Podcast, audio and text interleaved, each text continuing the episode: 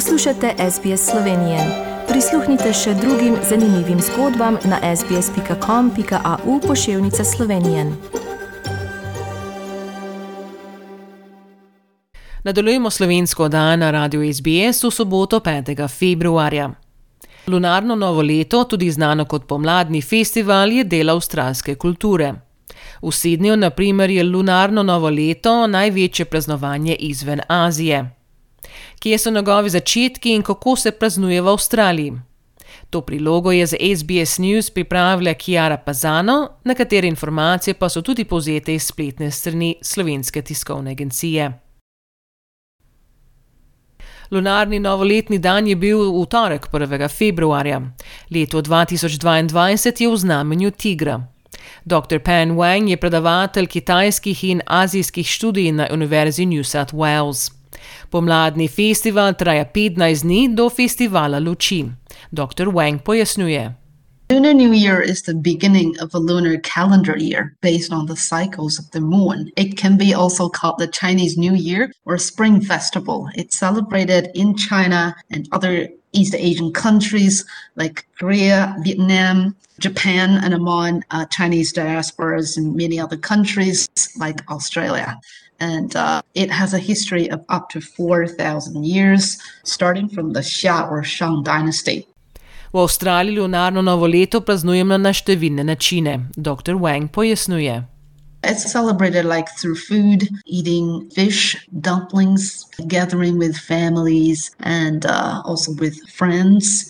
Chinese communities also held activities and workshops, you know, introducing knowledge about Chinese culture, also line dancing, dragon dance, and uh, color red is considered a very lucky color.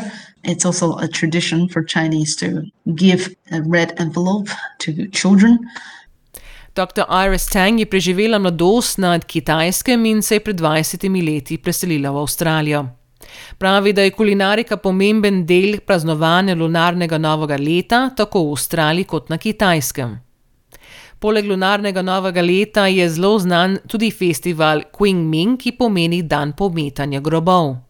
Poleg gregorijanskega koledarja sodobna Kitajska in Kitajci po vsem svetu uporabljajo tudi tradicionalni kitajski koledar, ki med drugim označuje dneve, primerne za ohceti, pogrebe ali pa kdaj je dobro odpreti novo podjetje. Dr. Pan Wang pojasnjuje.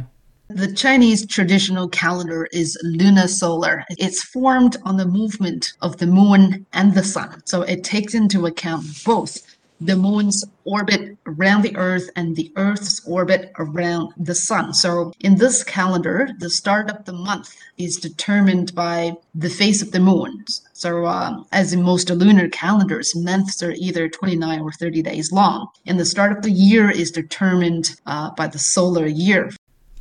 Različice tradicionalnega kitajskega koledarja najdemo po celotni Aziji. Dr. Craig Smith je predavatelj v prevajanju kitajščine na Azijskem inštitutu na Univerzi Melbourne. Smith je številna leta živel na Tajvanu in v Južni Koreji in ima lepe spomine na praznovanje lunarnega novega leta. Dr. Smith pravi, da številne oblike praznovanj lunarnega novega leta izhajajo iz držav izven Kitajske, naprimer ples levov.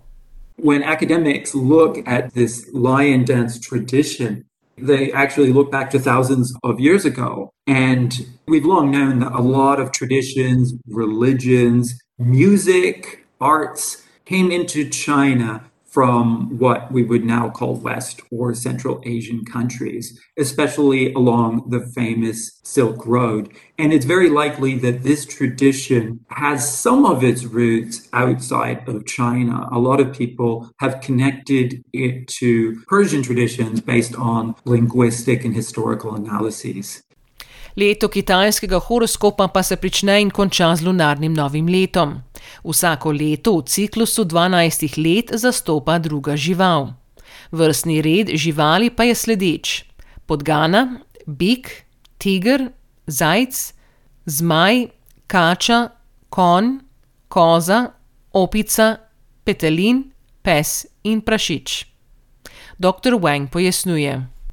Start from the Jade Emperor, really, who wanted to convene a meeting. And then there are 12 animals trying to compete and they're trying to get there. And then whoever get first will be uh, listed first. Like the first one was the rat, and the second one was ox.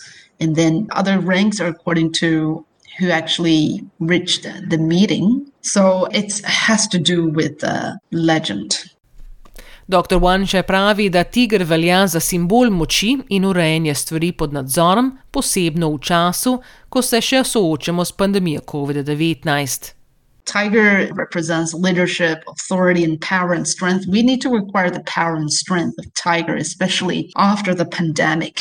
Things are still unpredictable, you know, speaking of the pandemic at this stage. We've been gone through so many waves of the pandemic in different countries. And uh, if we can get things in control, you know, like Tiger, be brave, face that, to live with the pandemic, to uh, be able to cope with that and strengthen our immunity, strengthen ourselves.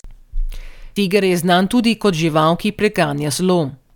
Njegov simbol se je v preteklosti znašel na talismanih vojakov, s čimer so poudarjali vlogo vodje. Otroci rojeni v letu tigra naj bi bili pogumni, tekmovalni in močni. Tisti, ki so rojeni v letu tigra, pa naj bi bili bolj družinsko orientirani.